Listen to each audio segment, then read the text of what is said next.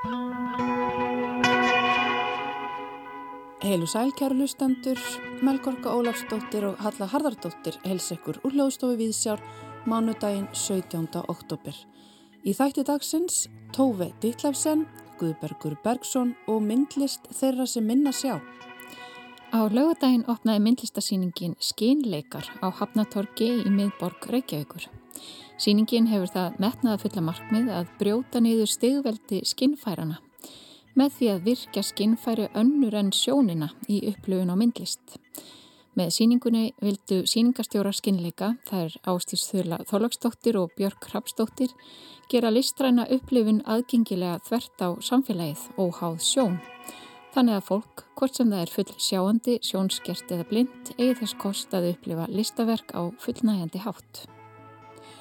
Tófi Dittlefsen er einn ástsælasti höfundur Dana og bækurinnar þykja í dag gefa einstaka mynd af reynsluheimi Kvenna á síðustu öld. Verkum hennar var strax vel tekið af lesendum en hún fekk oft slæma útreið hjá gaggrinnendum þá fyrst og fremst fyrir að skrifa of opinskátt um sitt eigið líf. Tófi skrifaði meðal annars um fátækt og ástir utan hjónabands, þungunarof, móðurhlutverkið, fíkn og þunglindi.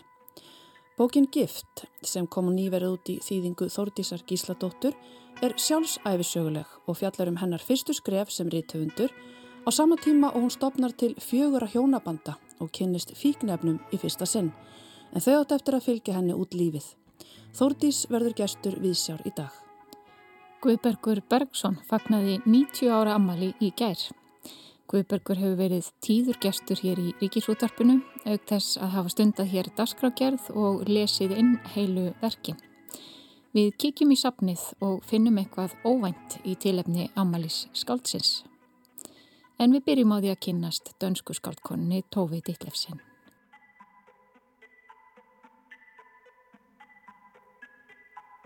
Út er komin bók, gift, eftir Tófi Dittlefsen. Þetta er, það er Benedikt sem að gefa þetta út, kom bara út í síðustu viku. Mm -hmm. Þetta er, já, bók eftir Tófi sem er einn ástsælasta Já, þekktasta, einn þekktasta skálkonna Danmörkur, ekki satt Þórdís Gísladóttir mm, þýðandi? Jú, ég held að sé alveg ótt að segja það allavega á síðustu öll, hún er kannski, ég held reyndar að Daníus ég ekki búin að glemja því hún er öllum borðum þar núna mm -hmm. í einsum útgáðum, þannig að já, hún er, hún er allavega kom orðin ansið svona vinsæl uh, aftur. Mm -hmm. Já, það er eitthvað svona comeback. Já, það er það. En hún hefur alltaf haldið alveg vinsældum þess svona þeirra sem við kallum hinn almenna lesanda. Hún er, er það vinsæl. Svo kannski bara rifjum að þessu upp fyrir hlustundum. Hver er Tófi Dillefsen? Já, Tófi fættist 1917, eh, hún saðist reyndar að vera fætt 1918, það er svolítið svona um það konur yngi sig á þessari kynslu og kallar reyndar líka. En e, já, e, hún og ólst upp í verkamanna hverju á Vesturbrú í Kaupmannahöfn. E, Mamminar var húsmóður sem hafi verið vinnukona og pappinar var verkamaður sem var svona stundum atvinnulegs þannig að það var svona þröngt í búi og alþjóðu fólk. Um, hún bara síðan á unglýs árum byrjaði hún að skrifa ljóð og eitthvað svona. Var, henni fannst hún alltaf að vera svona þetta aldrei utan veldu og já, var að byrjaði að skrifa ljóð og og uh, mammenar já, fóreldrennar, þeim fannst þetta náttúrulega bara eitthvað vittlisa þannig að hérna, og hún var bara látið hægt í skóla 14-15 ára eins og var það gert til þess að fara að vinna sem er reytari og mömmuna fannst bara að hún hætti giftast einhverjum kalli og hérna, já, mm -hmm. láta gera eins og konu gera. Þannig að hún gekk mjög langt í því, hún giftist manni sem var já, 30 og eitthvað árum eld en hún sem var eh, vann hjá tryggingafyrirtæki en var líka ritthöndur og gaf út tímaritt þar sem hann byrti oft eh, ljóð eftir ung skald og þar fór hún að byrta og fyrsta ljóðabókin hennar, hann hjálpaði henni svona að koma fyrstu ljóðabókinu sinni út þegar hún var bara rétt rúmlega tvítug.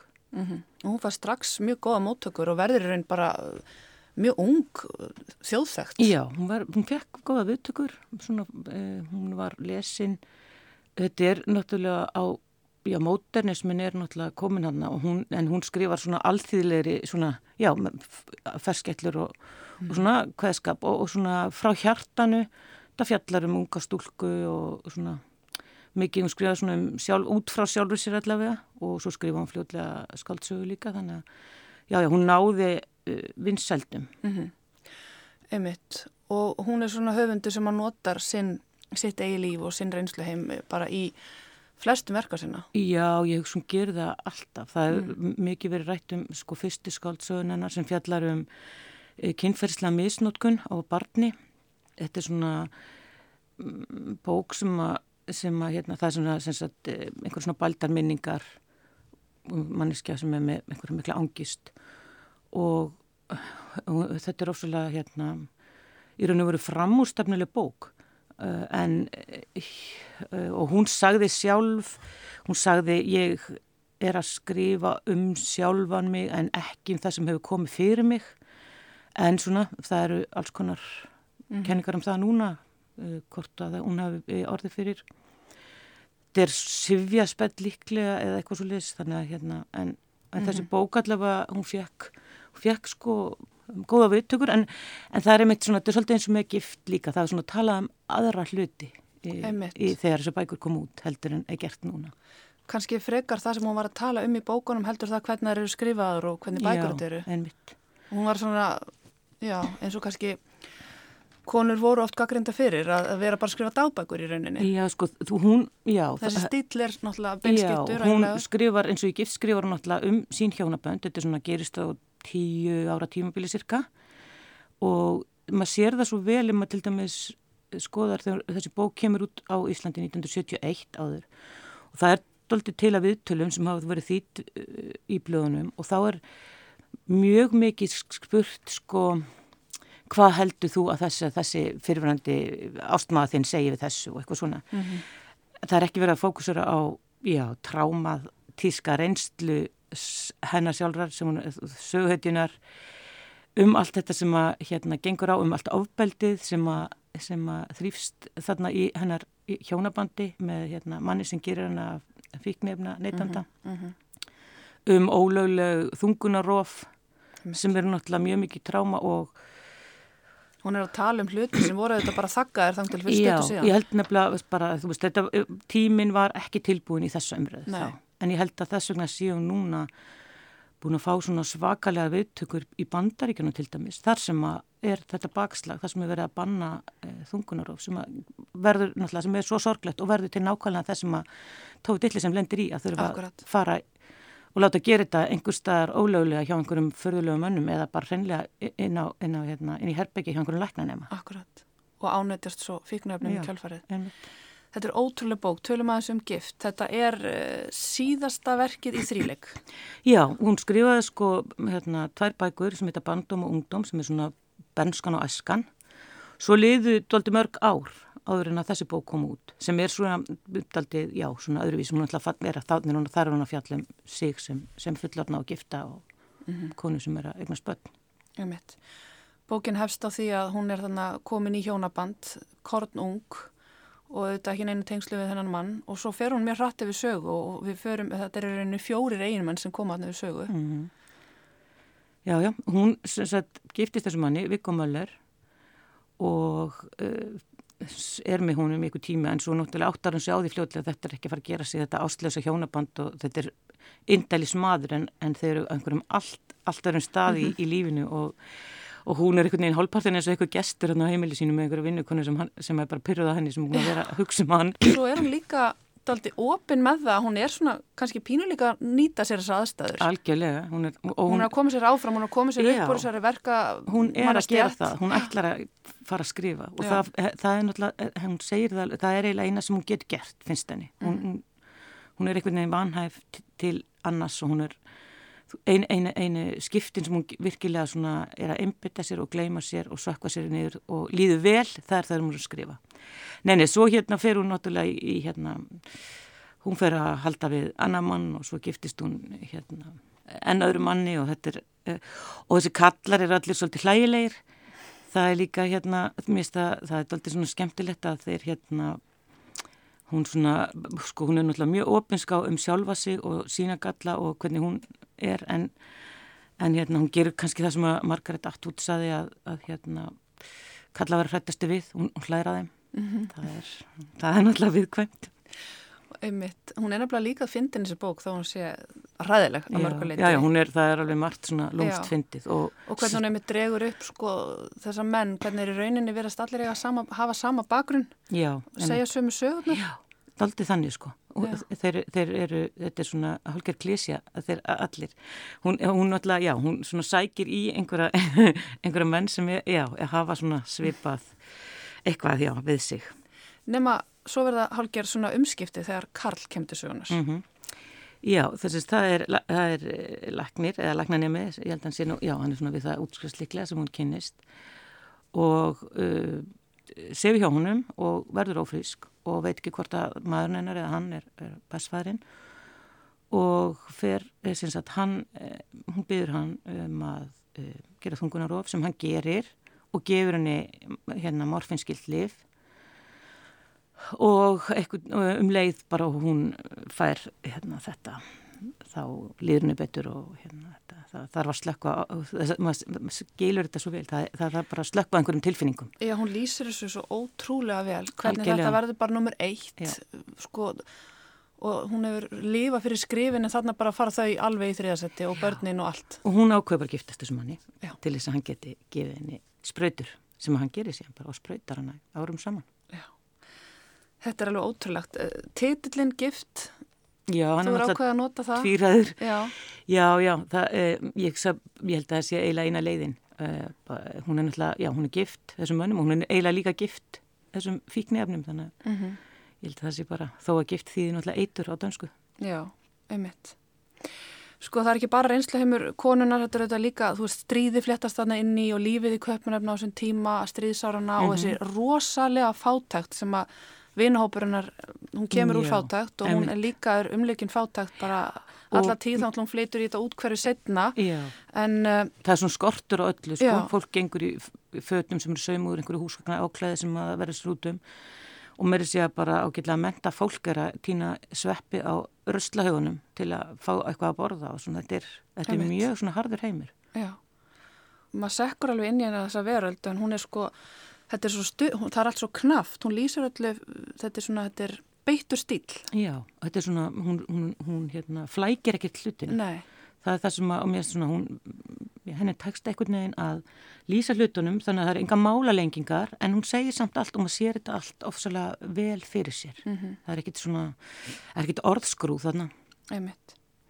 En ef við talum um þessum stíl, þessar sjálfsæfisölu bækur hvenna sem eru, einmitt, voru, voru kannski ekki mikið hafðar í metnum hér áða fyrir en er að fá svona kannski upprist æru, sjáum bara eins og til dæmis bara Annie Ernaux, það er -hmm. að mhm. bera þær kannski saman. Já, einmitt, nú hef ég ekki lesað hana nefnilega, en e, já, já, þetta er, það er bara, heimurinn er kannski meira tilbúin að taka, taka við þessu mm -hmm. og við, við skulum alveg, já, ég held alveg að Me Too hefur alveg sett að segja og svona, já, það er bara konur eru ég veit ekki, það náttúrulega bókmyndaheimurinn er kallaheimur það, eða menningamennir hafa verið ráðandið þeir hafa ekki mikið áhuga á konum svona þannig séð, það bara er verið að segjast kallar eru ekkit mikið að lesa bækur eftir konur það bara er, hefur verið þannig en það er vonandi að breytast. Og já, ég held bara við séum á þeim stað að við uh, erum tilbúin og við þurfum að lesa svona bækur. Mm -hmm. Já, eins og segir, þar, þessi þríleikur koma út í bandaríkjónum og Breitlandi núna bara í fyrra, mm -hmm. held ég að við séð og því líkar móttökur bara já, tala um já. klassískan texta Algjörlega. og meistaraverk. Þetta gefur út í Penguin Classic og, og hérna já, Guardian segir þessi meistaraverk og uh, þetta er bara algjörlega þessi, eins og við kallum þetta kaupmannhafna þríleikurinn, algjörlega sláði gegn. Já, en þetta er ekki fyrsta íslenska þýðingin? Nei, hún kom út 1971 og var held ég bara vinsæl bók og sældist vel og, og hérna margir lásana þá þýtti Helgi og Haldursson hana. En það er svona með þýðingar þar ég, ég, ég las þá þýðingu einhvern tíman fyrir löngu eftir ég hafi lesið bókinu dansku en ég var ekki að skoðuna núna en það er bara eldast ekkert sérlega velendilega svona þýðingar. Það bara myna, maður sem fættu 1915 og við erum bara svona farin að tala örvísum hlutina og mm -hmm. þannig að ég held, já já, það er mjög gott að þýða, endur þýða bækur reglulega. Já og eins og segir þá eru móttökunar aðrar í dag. Þú deildur þú sjálf á Facebook sko, umsögn Jóhann Sjálmarssonar uh, á þeim tíma fyrir 50 árum. Og uh, þá til dæmis uh, var þetta að finna í þeim dóm ekki gerir ráð fyrir að til að giftast skáldkonum eftir þennan lestur. Já, emitt þetta er svona daldi og það er eitthvað vandræðilegt við þessa bók já, líka. já, hún er finnst nefnilega eitthvað vandræðilegt við þessa bók og það finnst mér alveg, mér finnst það lýsa svo ofslega vel einhvernum hérna Kartmanni árið 1970 eitthvað, það er vandræðilegt að lesa þetta mm -hmm. þarna svona opinskáðan opinskátt ská umfjöllunum um lífkonu sem að svona, já, hlífi sjálfsir ekki gerir svona í aðröndin að gesa kallmennum sem þó eru að beita hana ofbeldi og, og hérna fara illa með hana Þannig að já, ég er svo sem skil alveg hvað hann fannst vandræðilegt en en það voru margir sem að köllu þetta, einhverstað sá ég sensasjonalismi og, og svona, já, þetta, þetta væri ekki við hæfi, mm. ekki, fólk átti ekki að tala um engalíf sitt svona opinskátt eða já, einhverja gamla elsku og ge gera smó gísaði. Einmitt. Þetta er eins og sagður aðan sannlega temi sem eru við hæfi í dag, þar sem við finnum fyrir þessu bakslægi bara um allan heim. Algjörlega. Já það var nú ekki, já það var fyrir eitthvað sorglegur endurinn á hennar æfi. Já, hún... Hún losnaði aldrei undan fíkninni? Nei, hún í raun og veru losnaði nefnilega aldrei undan fíkninni og nátti svona betri og veri tímabill en um, þegar hún fór að eldast, sko, það, ég veit ekki, það var verið alls konar umfjallanur um þetta, hún var aldrei tekin svona inn í akademíuna, hún hérna, henni fannst hún aldrei fá svona þá viðkynningu frá na, svona menningar fólki sem hún afti skilið. Og hún skilur við síðasta manni sinn, Viktor, sem finnir sér yngri konu og, og, og fer frá henni sem hún semst er þarna síðasti maður sem hún er með hann í þessari bók. Og hún uh, fór svona að gefa þið skinn bara einhvern tíman hann eftir 50 hún ætlaði ekkert að vera uh, hérna, lifa lengi. Og gerir gerði hérna, ég held að hafi nú verið 74, gerur hún mjög alvarlega sjálfsvístilrun en er bjargað finnst út í skói nær döða en lífi. Uh, en svo þarna 76 þá uh, fer hún, fer hún uh, heim til vinkunni sinna sem var í burtu. Ég veit ekki hvort hún átti að vega blómin eða svona íbúinu sinni sem er einmitt eina vinkunum hennar hann í bókinni og vissi að enginn myndi koma heim í nokkra daga og, og fyrirfór sér bara með lifjum. Hræðilega sorglegt. Mjög sorglegt. En mér langar til að lesa alla bækundurina núna og þú ætlar að þýða eitthvað meira en ekki? Ég vona, ég, já, ég ætla að gera ráð fyrir því að þýða kannski hérna bensku og, og esku minningarnar fljóðlega. Þannig við höfum þrý leikin á íslensku. Já. Þórdís Gísladóttir til hamngjum með þessa þýðingu og takk fyrir að komið við sjá. Takk. Halla rætti við Þórdísi Gísladóttur þýðanda en nýverið gaf Benedikt út gift eftir Tófi Dillefsen, síðasta bindi af þremur í sjálfsæfisögulegu verki hennar, svo kalluðum Kaupmannahafnar þríleik. En þá að annars konar texta. Guðbergur Bergson átti nýraðis ammali í gær og af því tilefni fóru við að gramsa í sapninu hér á Rúf. Það er af nægu að taka. Guðbergur hefur lesið mikið af sínum verkum hérinn og einniðunnið að dasgrargerð. En við ætlum að spila fyrir ykkur smásögu. Upptakan var nýveri færð af seglbandi yfir á stafrænt form. Já, þetta er sagan Maður dottar í matartímanum. Hún kom fyrst út í tímariti Máls og menningar árið 1980 og hafði þar undir titilinn Til dotta sem fær 20 mínútur í mat. Guðbergur las hana inn hér í ríkisútvarpið sama ár og nú fær hún að hljóma á ný. Gerðu svo vel.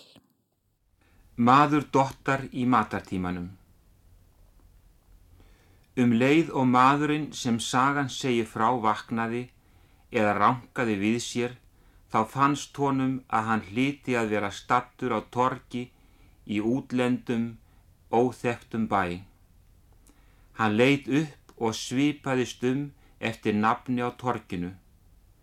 Hann sá hverki skiltið en þegar hann hafði svipast betur um sá hann að hann satt undir vegg á litlu kaffihúsi. Ég hef þá vaknað í útlöndum, hugsaði hann. Nokkur borð voru fyrir utan dyrnar á upphækkuðum palli. Menn sátu þar og spiluðu á spil. Manninum sem vaknaði fannst að hann hlíti að hafa séð allt þetta áður annarkvort á málverki eða ljósmynd.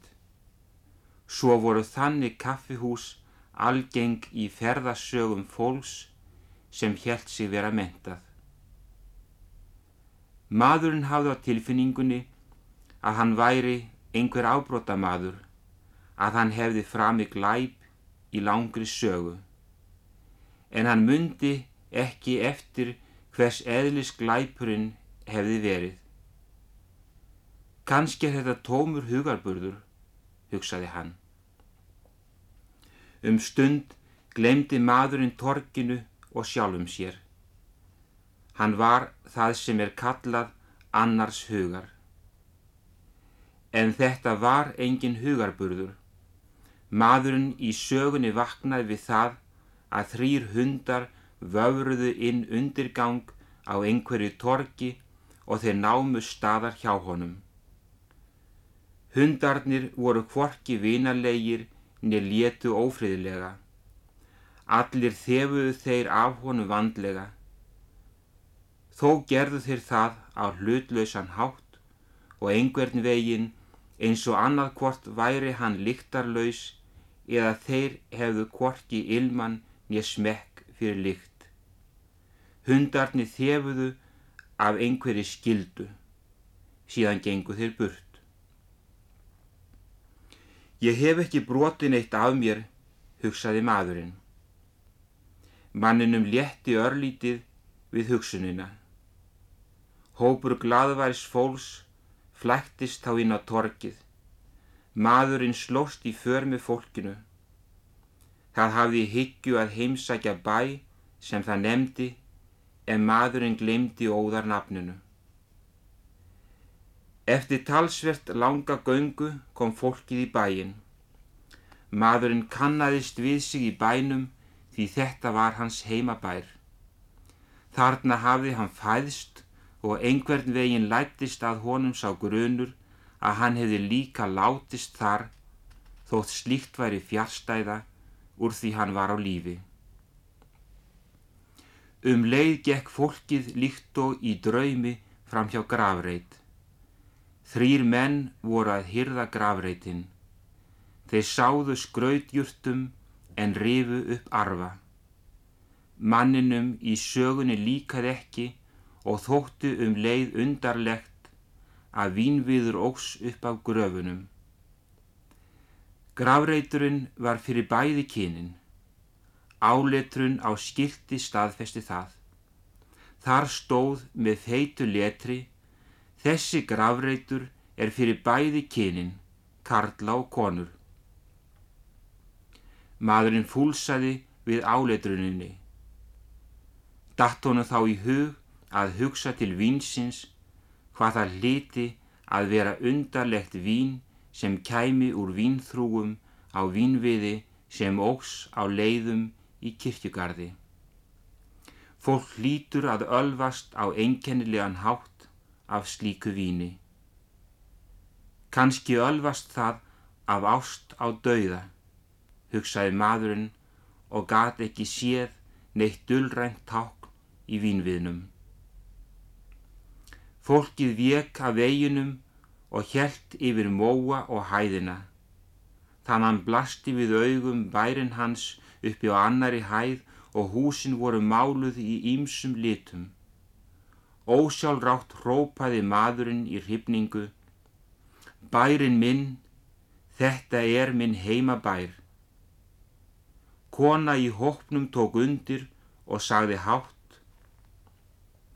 Í þrjátíu ár hefur minningin um þig verið það eina fegurnalif sem ég hef notað. Í þrjátíu ár hef ég yngt huga minn í minni laungu útlegð með minningum um þig.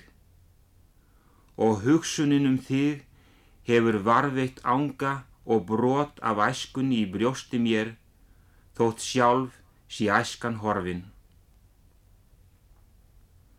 Maðurinn kannæðist ekki við konuna, þótt hún væri ættuð úr heimabæ hans, en hann fann einhvern óm af líkama hennar á leindum stað, einhver staðar í honum sjálfum.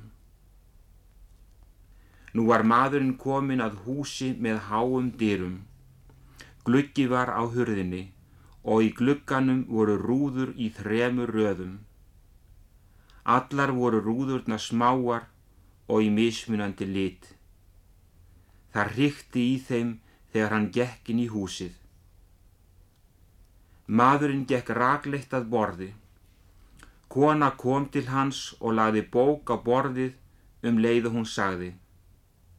Taktu vel eftir hvaða breytingar verða á myndinni á síðunni þegar ég fletti við blaðinu og við þér blasi sama mynd á næstu blaðsíðu. Manninum tókst í sígang að leysa verkefnið. Hann sá hvernig myndirna breytust.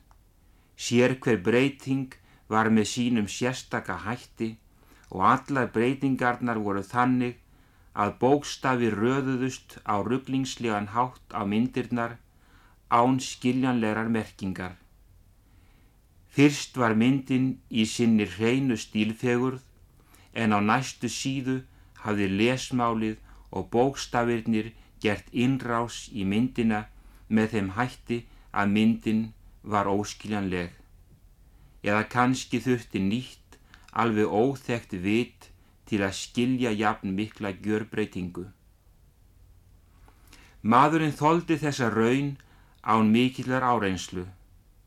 Aðtikli skáfa hans var næm, einhverja hluta vegna hvarlaði að honum sá grunur að á eftir þessu hæfnisprófi yrði hann sendur til starfa í verksmiðju.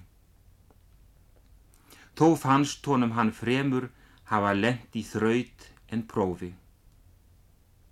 Ég hef eflaust tekið hæfnispróf og hef staðið mig vel, hugsaði maðurinn. Nú er ég fær í flestan sjó. Í sömu svifum átti einhver vera leið fram hjá honum. Maðurinn leið gladur í bragði til verunar og sagði, líkt og hann hefði lesið hugsanir skuggans. Líkami mannsins er ekkert annar en lít eða ókönnuð verksmiðja. Konan greip löst um olbóa mannsins Leitti hann inn í herbergi og ítti honum mjúklega á stól og hún sagði Hugsaðu nú um þetta. Hvað eru 20 mínútur? Konan sagði þetta fremur blíðlega og hvarf frá manninum. Maðurinn braut heilan um spurningu konunnar. Hvað eru 20 mínútur? Eru 20 mínútur aðeins tími sem líður á 20 mínútum. Manninum gafst gott tóm til að hugsa. Nú áleitt hann að mínútur gætu verið æði margt. Maðurinn braut heilan um 20 mínútur í 20 mínútur. Þegar 20 mínútna umhugsuna fresti var lokið, kom konan aftur í fylg prests. Maðurinn vissi þá að 20 mínútur er sá tími sem fangi fær til að hugsa í einrúmi um æfi sína áður en hann er tekin af lífi. Presturinn lagði svala fingur á enni mannsins. Maðurinn fann svalan og honum varð hugsað um sólskinn. Hann hugsaði hvað það var gott að vera komin aftur til fæðingarbæjarins, þótt það væri aðeins í draumi og draumurinn væri örlítil mynd af broti af sál hans. Presturinn tók um herðar mannsins eins og hann aðtúaði hvort hann hefði hryggskekkju. Kanski eru sumir menn óhæfir til að deyja vegna líkamlegra ágalla eins og líkamslíti geta gert mannin óhæfan til ásta og geðveiki gerir hann óhæfan til herþjónustu, hugsaði maðurinn. Þá losaði maðurinn svefnin og sá hvernig draumuninn hvarf út um dyrnar. Allan morgunin var hann í annarlegu skapi, hann fór ekki til vinnu sinnar á bílaverkstæðið og oft var hann gráti nær. Sér til dálítillar furðu fann hann að hinn einkennilegi treyi sem hann fann bæði í brjósti og höfði leið örlíti frá ef hann lág fyrir í sófanum og dróa sér þurra lykt úr útsaumuðum púðum. Konan var fúl við mannin og hann fyrirvarð sig og það var ekki löst við að börnin fyrirlitu föðu sinn vegna þess að hann átti ekki heima á púðum og sessum. Hann ímist satt í sófanum eða láð þar eins og illa gerður hlutur. Hluturinn var auk þess svo auðmur og sálinn í hlutnum var svo útlend og framandi að hann þekkti varla sjálfa sig fyrir en konan rétti honum hýtabrúsa og byta eftir hátegismatin og sagði Þú ferði vinnu og hristir þessa óáran af þér. Þá raug maðurinn upp, hann hristi af sér draum og drunga og mundi að hann hafði aðeins 20 mínútur í hátegismat. Í þær 20 mínútur hafði hann brotið heilan í draumi.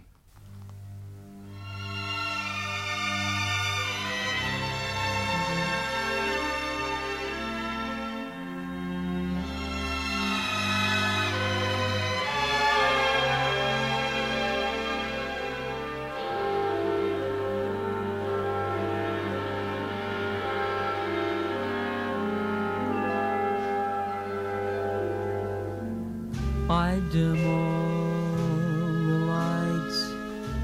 and I sink in my chair. The smoke from my cigarette climbs through the air. The walls of my room fade away in the blue, and I'm deep in a dream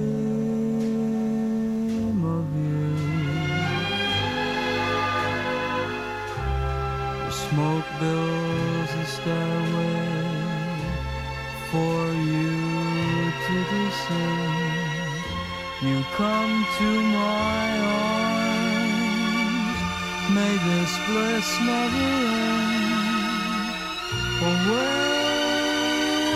or asleep, every memory I keep when I'm deep in a dream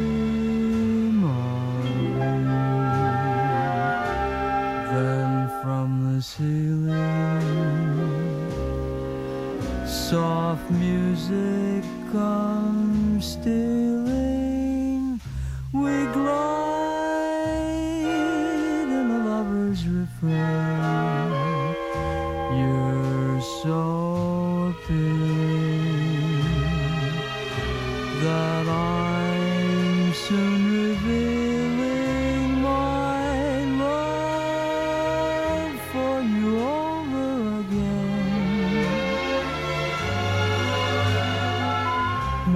My cigarette burns me. I wake with a start. My hand isn't hurt, but there's pain in my heart.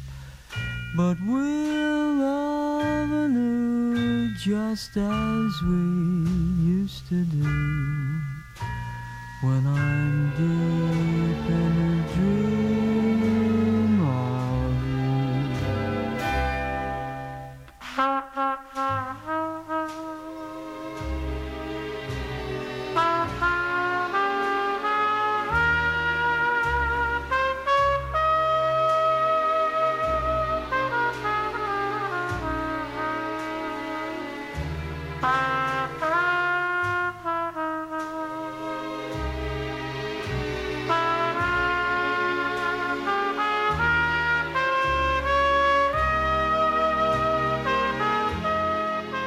Baker söng Deep in a Dream of You hér á eftir lestri Guðbergs Bergsonar á smásögunni Maður dottar í matartíma.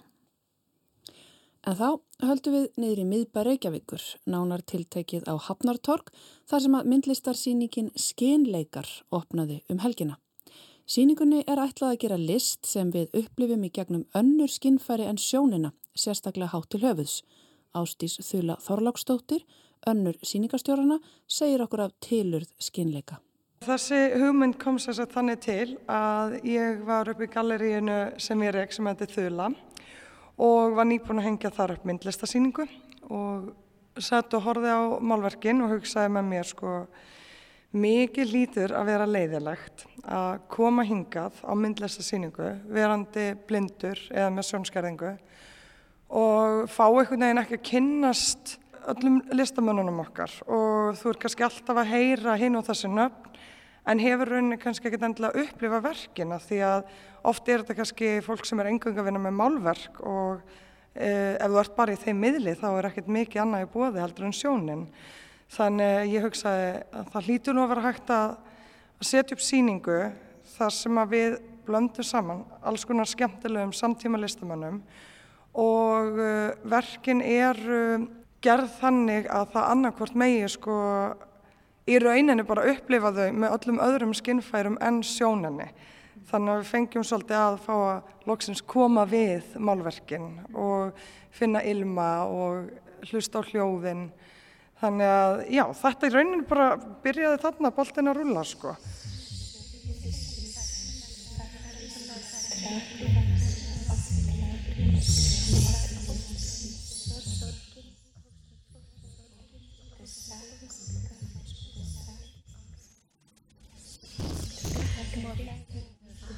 Þetta átti sem sagt að opna uh, í 2021 í oktober sko.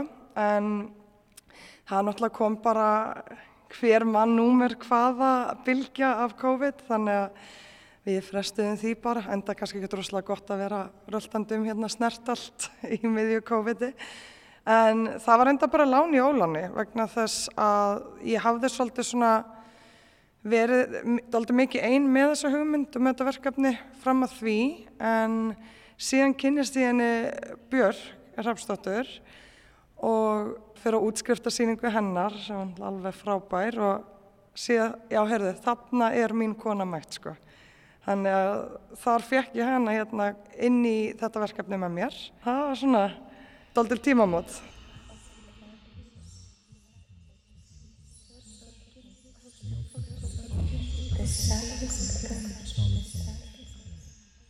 Björk, manni dettur helst í hug að nota stóra skúltúra eða stórar höggmyndir þegar maður hugsa sér fólk sem á erut með að sjá að það geti þá snert á því en hér er alls konar verk, málverk og höggmyndir en líka hljóðsturtur og ilmverk eh, lögðu ykkur sérstaklega fram við að finna fjölbreytta leiðir til þess að miðla. Já, ég held að við vildum virkja öll skinnfærin sem við gátum sem þýtti að finna verk sem fókusa þá á, á lyktarskinnið og hlustun, semst heyrnina. Já, og líka að finna kannski verk sem venjulega má ekki snerta en, en að fá leifi til þess að snerta eitthvað kannski svolítið viðkvæmt og, og, og svona hlallegt. Hórum á Huldu Hákon og, og Þorvald Jónsson og Sunnuva Ásu Væsibel og það má snerta þetta allt saman. Hvernig gekk að fá leifi fyrir því? Já, það gekk förðu vel held ég. Ég held líka að hérna, listamennir eru þetta, alltaf að snerta sín verk þannig að ég held að þau hafi bara verið til í að leifa okkur að deila þeirri upplifun. Og hér eru líka hvað til þess að þefa og rína. Það eru stór stækkunar gler við sumverkana sem eru með svona fyrni núansum því að það er líka fólk sem sér en sér ekki að vel og hinnis. Já, við hérna áttuðum okkur fljótt á því að stór, kannski stór hluti þessa hóp sem við erum að reyna að keitira til er ekki alblindur. Þetta er mikið af fólki sem eru uh, með sjónskerðingu að einhver leiti eða litblind þannig að við vildum líka einbjöð okkur að þeim og að það sé líka hægt að nota sjónina að einhverju leiti og þá bara rína betur í verkin og, og hafa svona, svona hjálpartæki til þess og við fengum líka ótrúlega góðan stuðning frá blindrafélaginu. Þau voru mikið að hjálpa okkur að, að setja okkur inn í þessa upplifun og fengum til þessi ráðleggingar um að hafa merkingarnar stórar og í augnhæð. Maður þekkir það kannski sjálfur að það er stundum erfitt að, fara að beigja sig og lesa lítinn texta á myndarsýningu. En hvernig, á hvaða tímabúnti kom þetta samstarfi blindrafélagið til og hvernig hefur því verið háttað? Ég sem sagt auðvitað hugsaði strax með mér, ég er ekki blind og ég í rauninni, það er engin nákomið minn mér sem að, sem að er að kljást við eitthvað skona sjónskerðingu. Þannig að, að sjálfsögðu vildi ég gera þetta rétt og, og vera ekki svona einhvern veginn að, að vaða áfram án þess að þekka ná vel til. Þannig ég hef bara samband við blindrafélagi mjög snemma og þau voru svo sannarlega til í þetta. Og einni fengum við styrk frá þeim stóran og góðan styrk sem gerði okkur kleift að setja upp síninguna og þetta er búið að vera opáslega kærkomi samstarf og sérstaklega því þau eru búin að vera svo mikil, visku brunnur að leiti eins og Björk var að segja með alls konar svona litla hluti sem að maður náttúrulega gerir sér ekki grein fyrir þegar að maður er ekki að mæta kannski þessum hlutum í dagstagluðu lífi eins og stórar merkingar fyrir verkin. Sko. Já, svo var það líka eitthvað sem við hugsuðum þegar við vorum að hanna síningaskrana sem hún Olga Elliot gerði fyrir okkur. Hún fór í smá rannsóknarvinnu og komst að því að, að gulur og blár eru litir sem allir sjá, eða flestir sjá eins, þeir sem eru með litblindu og, og þeir sem eru ekki. Og líka ákvaða við að hafa bara letrið eða textan fyrir stuttan og letri stort svo að allir getu nota upplýsingarna sem, eða lýsa upplýsingarna sem eru þar.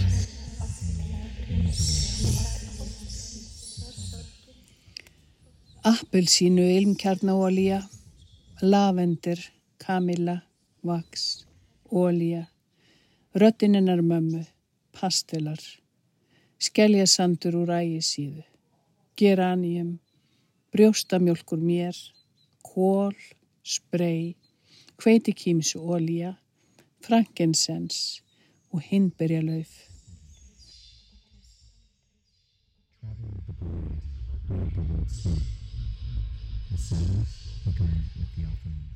Hérna er góður hópu listamanna og, og það hefur komið fram að þið voru svona leitast við að fara fjölbreytta leiðir að því að miðla list en hvað var það svona fleira sem að hjálpaði ykkur að finna þennan hóp? Já, við vorum svona að líta til, hvað segjum að kannski ó, ólíklegu listamannana og líklegu. Það er að segja sko að til dæmis hann Tolli er þetta þekktu fyrir málverk. En hann, hann var einmitt spenntur að hafa ekki málverk og þess vegna voru við svo ánæður að fá þetta inn að því að þetta var svolítið öðruvísi verk, svona sérstækt, sérstækt hraunverk og er svo áhugavert að snerta og eins með verkirna Sunnefi Væsapel að það er margir á þessum listamönnum er fólk sem við konnumst við og þekkjum vel til. Og það er til dæmis listamæður sem að vissi að það er rosalega margt í hennar verkum sem að sko manni bara langallast næsta mikið af blundum, efni, rosshárum, alls konar svoleiðis. En síðan auðvitað líka var fólk eins og Þórti Sóega og, og hérna, Þorvaldur að þau, þau bæði gerðu verk sérstaklega fyrir þetta til þess að það væri hægt að, að snarta og rína og, og upplifa kannski öðruvísi heldur en þeirra verk væru annars. Til dæmis að verki hans Þorvalds þarna er hann búin að skera í tré þannig að það eru komna mikla rákir í þetta. Um, en já, en þetta var svona, já, svolítið bara svona blanda fólki sem við vissum að væri með skemmtilega efnislega verk eða mikið á hljóðverkum. Auðvitað þú veist, Fissersund sýsturnar eru bara fræga fyrir sína dásamlu ilma, þannig að góða strax hugsa til þeirra.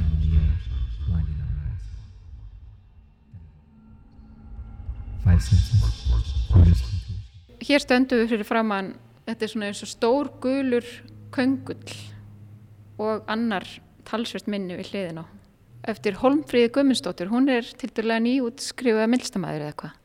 Já, hún útskrifaðist úr listaháskólanum með bíagráði fyrir nokkrum árum síðan og ég man eftir að hafa farið á útskriftarsýninguna hennar og myndi eftir að það var þarna verk sem hún fjallaði sérstaklega um bara sína skinnjun á litum. Hún er litblind og með sjónskerðingu sjálf og listaverkin hennar fjalla oftar en ekki um hennar upplifun á heiminum og hvernig það er öðru sér heldur en fyrir flest aðra að vera hérna með litblindu og hvernig hún sér liti og, og tólkar liti þannig að það er stort viðhórsefni fyrir hanna og við fengum ábendingu um hana frá blindarfélaginu og þá myndum við eftir að hafa að ég myndi eftir að hafa séð þetta verk á úrskriftarsýningunni og hún er örgulega yngsti listamæðurinn á sýningunni og er eina af þeim sem er búin að vera að fjalla um þetta í sinni listsköpun. Hún Holmfríður sem sagt um, skapaði þennan köngul vegna þess að það er ítrekka verið að bendinni á hluti náttúrunni sem hún sér ekki og hún segir að það er nefnilega eitthvað við náttúruna sem að verða mjög móðukent og litirni blandast einhvern veginn saman og lífrænu formin líka. Þetta verður, já, allt bara svona í móðu og hún getur ekki verið að upplifa náttúruna á þann hátt sem að við sem að erum með fulla sjón fáum að gera. Og þess vegna tók hún hlut úr náttúrunni, þennan köngul og stækkaðan og breytti litnum í gulan vegna þess að það er litur sem að litblindir geta séð og þetta, já, er svona tenging úr listinni hennar við hennar upplifin sem manneskja með svonskerðingu. Sko Holmfríður er bara þannig karakter og hún er ekkert að fara að hætta neinu þótt að það sé eitthvað að breytast með sjónuna það, sko því er ekkert að láta það stjórna sér, þá breytur bara miðlinum mm -hmm. og getur bara notað efni og, og notað aðra skinnjun til þess að skapa. En kannski líka ákveði hlutverk listar að draga fram einhver svona enginandi hluti í umhver okkar sem við annars tökum ekki eftir og að því leiti getur við kannski verið þakklátt fyrir svona list. Já, algjörlega. Rauð opin jörð svartar íðandi ábreyður, hart teppi sem heldur öllu vel saman. Í þrjáttíu mánuði lág ég undir teppinu, á meðan umturnaðist ég. Mér uksu rætur sem grófu sig djúft ofan í jarðvegin og úr mér óks afleikjari, ókunnugur og indislegur. En þetta er einhvern veginn svona, já, þetta var svolítið organíst ferli bara, uh, hvernig listamennir týndist til á listan. Og kannski sem um Björk verið að segja þér hérna áðan meðan Birgi Andersson sem er hérna með verk, að auðvitað hugsa maður strax til hans þegar maður hugsa til blindra og, og til listarinnar. Og auðvitað elst hann upp með blindum foreldrum og, og þetta bara hafi að sjálfsögum mikil áhrif á hans sköpun. Og Það vildi svo til að Hulda og Jón Óskar að þau hérna hafðu samband og heyrðu, við eigum hérna eitt afskaplega skemmtilegt verk frá honum Birgi. Og það hefur aldrei verið sínt, eigum við ekki bara að koma með það niður eftir. það er þetta bara, maður segir ekki neyfið svona, svona bóði sko. Og það skemmtilega er að þetta er sko lýsing á Jón Óskari og það er náttúrulega kannski svolítið vandbundið að vera með hérna textaverk á svona síningu en það er svona fengum við Jón Óskar til þess að lesa þetta upp. Þannig að þetta tvinnast svolítið skemmtilega saman við skúltúrin hans sem er þarna hliðin á hans Jóns Óskars. Mannlýsing eftir Birgi Andrisson frá 1994 Þannig er honum líst hann er vel yfir meðalmann að sjá þreglega vaksinn þó ekki feitur en farin að þykna, líkt og oft vill verða með menn á líkum aldri. Maðurinn er allur ljós yfirlitum, hárið skollitað og farið að þinnast, höfuðlag nokkuð kupslegt, andliti slétt og áferðan mjút, búlduleitur, eiru smávaksinn og liggja þau vel aftur með hliðum, nefið stort og breyðmyndað en þó flatt, munnur smár og tennur flestar heillegar að sjá. Augun ljósblá en hafa sennilegast verið skarplegri og meir stingandi áður en gengdalöðs vinna og vögur hafa dreyið og skilleika þeirra. En það gengur hann nú orðið með glerspangir til eðrættingar deburð og sjónvillum. Hverstast gengur hann í snjáðum nankinsfötum að hætti verkamanna en telst til myndalegri manna er hann gerir sér dagamunn og klæði sig upp á. Fótabörður sæmilegur, stikar hægt og yfirvegað en þó ekki beint, útskeifur. Heldur er sem hann skjóti fram annari aukslinni um leið og hann drýpur höfði. Gleðimaður er hann mikill, hinga til hefur honum þótt gott að fá sér í hárið eins og sagt er.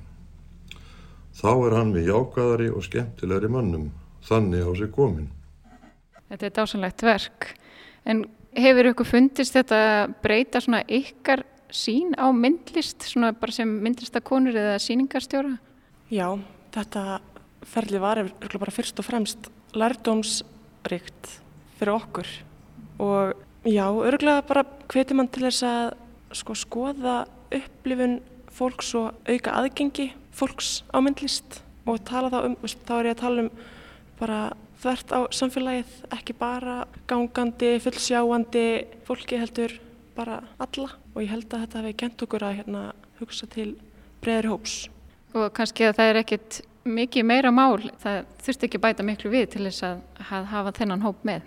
Nei, alls ekki sko. Ég held að þetta sé í rauninni eitthvað sem er opuslega auðvelt að gera og eins og til dæmis uh, að vera með eitthvað valin verk sem er hægt að upplifa óháð sjón og einnig með tillana, það var mikið talað um tillana sko í gær þegar við fengum hérna mikið af gestum frá blindrafélaginu að loksins væri hægt að sjá, sko lesa og sjá það sem að verkin, hvað verkin heita og hverju listamennir eru og ég verði að viðkynna, ég það nú ofta alveg að rýna svolítið nálagt á merkespjöldin, en þetta er svona litil hluti sem er svo bara lítið mál að breyta en, og það í rauninni einmitt sko tröflar okkur ekki neitt en gerur svo mikið fyrir aðra.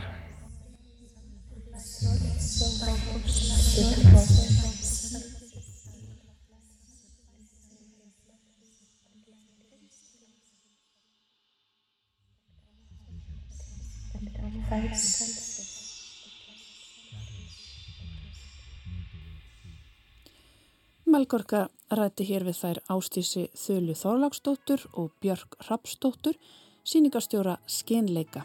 Við heyrðum líka brotur nokkrum verkum á síningunni eftir þau Birgi Andrisson, Björg Vigósdóttur og Kristínu Mortens. Og með því líkur þætti dagsins, við sjá verður hér aftur á sama tíma á morgun, verið sæl.